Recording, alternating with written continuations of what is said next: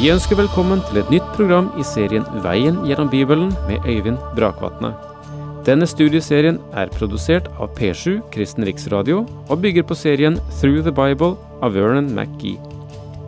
I dag fortsetter vi med gjennomgangen av Første Mosebok.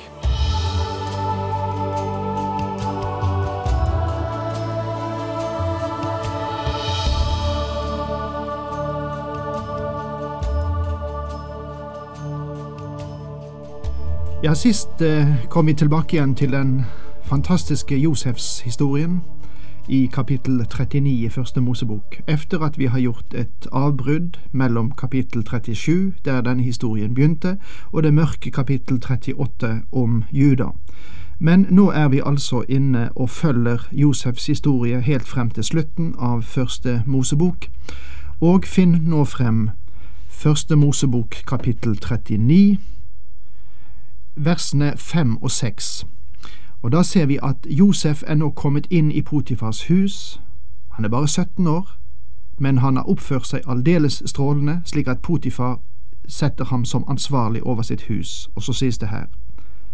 Og fra den tid egypteren satte ham over sitt hus og over hele sin eiendom, velsignet Herren hans hus for Josefs skyld. Herrens velsignelse hvilte over alt det han hadde, både i huset og på marken så lot han Josef rå over alt det han eide. Når Potifar hadde ham, bekymret han seg ikke om noen ting utenom maten han spiste. Josef var både velvoksen og vakker.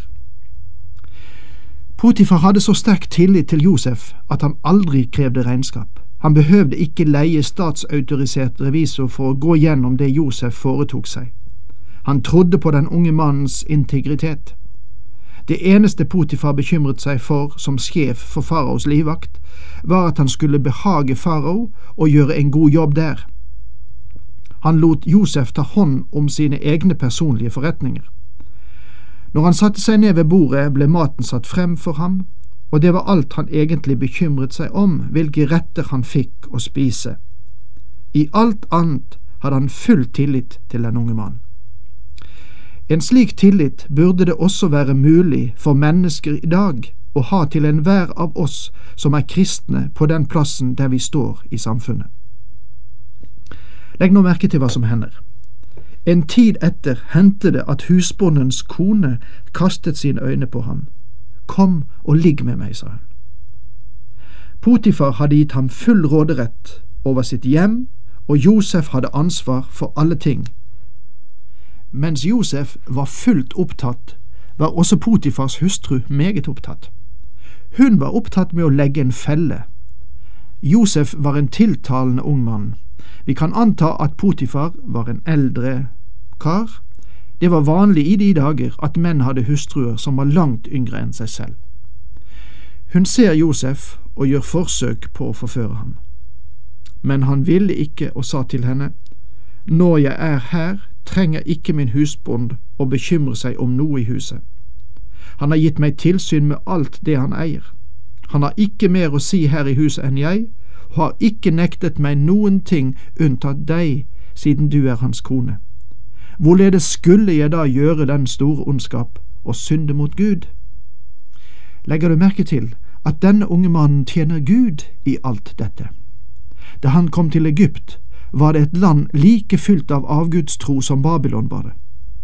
I dette miljø av avguder brakte Josef et vitnesbyrd om den levende og sanne Gud og den høye moralske standard som denne Gud anerkjente. Når denne kvinnen fristet ham, sa han, Min Herre har overgitt ansvaret for alle ting til meg utenom deg alene, du er hans kone. Legg også merke til hvilke høye tanker Josef hadde om ekteskapet. Det er Gud selv som har gitt ekteskapet til slekten. Når et menneske begynner å forråde sitt ekteskapsløfte, så begynner dette mennesket å forråde Gud. Mine venner, et menneske som er villig til å bryte sitt ekteskapsløfte på denne måten, vil vanligvis være villig til å bryte også andre løfter han har gitt Herren. Josef forsøker her å være tro mot Gud, hvilke høye idealer han har. Men legg nå merke til hva som hender nettopp fordi han forsøker å tjene den levende og sanne Gud. Enda hun snakket til Josef dag etter dag, gikk han ikke med på å ligge hos henne og ha omgang med henne. Potifar, som var sikkerhetssjef hos farao, var mye borte fra hjemmet. Kanskje litt for mye. Og hans kone fristet ikke Josef bare én gang, men igjen og igjen og igjen. Det var en stadig fristelse for ham, og likevel ga ikke denne unge mannen etter. Du kan bare forestille deg hvilken forbitrelse som etter hvert samlet seg hos henne når hun stadig ble avvist av Josef. Er det ikke Platon som har sagt, selv avgrunnen har ikke en sånn villskap som en såret kvinne. Og hun søker nå å finne en måte å hevne seg på Josef på. Så hendte det en dag at han kom inn i huset for å gjøre sitt arbeid. Ingen av husets folk var inne. Da grep hun fatt i kappen hans og sa, Kom og ligg med meg. Men han slapp kappen, lot henne stå der med den og rømte ut av huset. Da hun så at han hadde rømt og latt kappen bli igjen hos henne, ropte hun på sine husfolk og sa til dem, Her kan dere se, mannen min har dratt inn i huset en hebreer som farer og gjør tilnærmelser. Han kom inn og ville ligge med meg, men jeg ropte så høyt jeg kunne. Forholdet mellom Potifar og hans hustru var kanskje ikke det beste. Legg merke til hvordan hun her taler om ham på en nedlatende måte. Hun sier at mannen hennes har brakt inn denne hebreeren for å vanære dem. Dette kan tolkes dit hen at hans hustru kanskje har hatt lignende avfærer tidligere. Jeg synes litt synd på Potifar, jeg må innrømme det, for han er en dott. Kanskje han ikke lenger i det hele tatt forsøkte å bedre forholdet til sin hustru.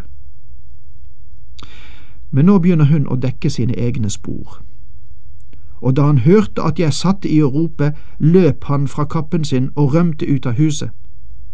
Så lot hun kappen ligge der til husbonden kom hjem. Så her er altså Josef, en ung mann i tenårene, alene i Egypt, og en falsk anklage rettes mot ham på den mest sjofle måte. Hun bringer denne anklagen mot Josef til de andre av husfolkene. Hennes mann var borte, så hun setter sammen en falsk historie som hun presenterer ham med når han kommer hjem. Da fortalte hun det samme til ham. Den hebraiske trellen som du har dratt inn i huset til oss, kom inn til meg og gjorde tilnærmelser. Men da jeg satt i å rope, løp han fra kappen sin og rømte ut av huset. Da Josefs husbånd hørte hva hans kone fortalte, dette har trellen gjort mot meg, sa hun, ble han brennende harm. Tilsynelatende ser det ut til at Potifar tror hennes historie. I det minste gjorde det ham sint for et øyeblikk. Han var offiser i faraos hær og må sikkert ha vært en ganske skarp mann for å kunne ivareta den stillingen han hadde. Men som ektemann betraktet må han ha vært litt godtroende. Det er min personlige mening at han var klar over hva slags kvinne han var gift med, og trodde at det var enklest å kaste Josef i fengsel og glemme hele saken. Jeg syns litt synd på ham. Min mening er at hun har vært troløs mot ham tidligere, og at Josef bare var en annen i serien av erobringer. Men det fungerte ikke med Josef, og derfor fikset hun en falsk anklage. Han tok Josef og satte ham i fengselet, der kongens fanger satt lenket. Nå ble Josef sittende der i fengselet. Ja, denne gutten er sannelig ille ute, ikke sant?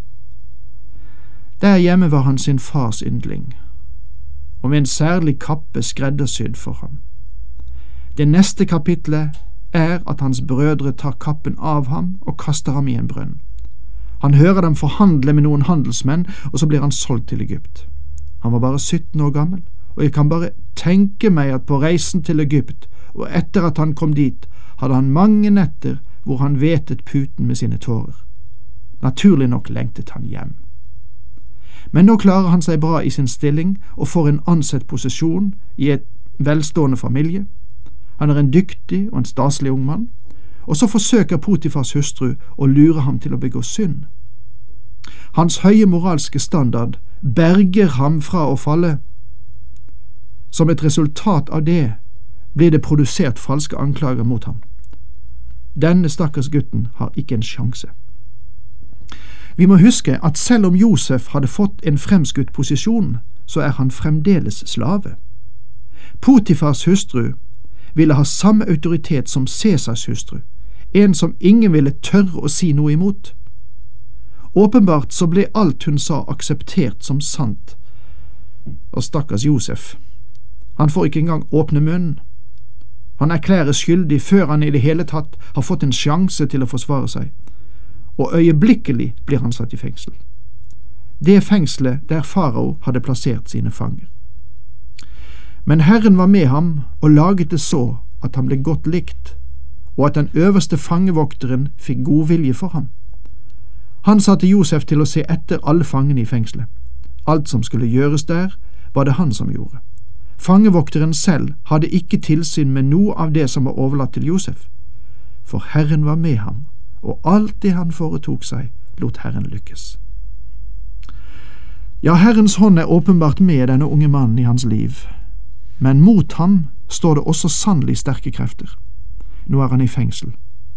Det er sikkert tilstrekkelig til å gjøre hvem som helst motløs, men det er interessant å merke seg her at Herren er med Josef. Selv om han ikke åpenbarer seg for ham slik som han hadde gjort for de tidligere patriarkene, så viser Gud ham likevel nåde. Først får han fangevokteren til å like ham og få tillit til ham. Selv om Josef av naturen er en tiltrekkende og sympatisk ung mann med store evner, så er det viktig å legge merke til at alt dette ville ha vært betydningsløst hvis ikke Gud hadde vært med ham. Herren er med ham og leder ham. Alle disse erfaringene fostrer og modner denne unge gutten for den hensikt og mening han skulle komme til å fylle senere. Josef merket nok dette, og det gav ham nok en reisning og en optimistisk holdning som var meget betydningsfull. Omstendighetene trykket ham ikke ned. De mestret ikke ham, men han mestret dem. For mange av oss er det dessverre motsatt. Men Josef var en som ikke ga omstendighetene anledning til å feire triumfer over ham. Herren var med ham. Han merket Guds hånd i sitt liv, og derfor ble han ikke motløs. Motløsheten er et av de fineste våpen Satan har, mismot og skuffelse. Denne unge mannen ser ut til å ha hevet seg over alt slikt. Han minner oss om ordet fra hebreerbrevet. All tukt synes vel i øyeblikket å være mer til sorg enn til glede, men siden gir den fred og rettferd som frukt hos dem som er blitt oppøvd ved den. Det står i Hebreerne tolv. Sikkert er at Herrens tukt kommer til å gi en rik høst av rettferdighetens frukt i denne unge mannens liv. Historien om Josef åpenbarer at ikke alle mennesker er til salgs. Satan sier at de er det, og verden beviser dessverre at det ofte er sant, men der er mennesker som ikke lar seg kjøpe. Josef var en av disse. Jobb var en annen, og apostelen Paulus enda igjen. Satan forfører menneskene, men disse og mange flere er personer som han ikke kunne kjøpe for noen pris.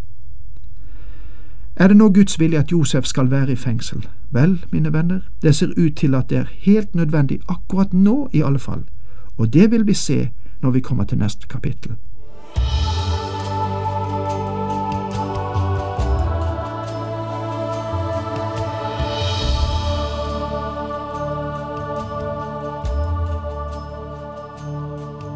Du hørte Øyvind Brakvatne i studieserien Veien gjennom Bibelen. Serien bygger på et manus av Vern McGee. Har du spørsmål eller kommentarer til programmet, kan du sende en e-post til vgb krøllalfa p7.no. Takk for i dag, og på gjenhør.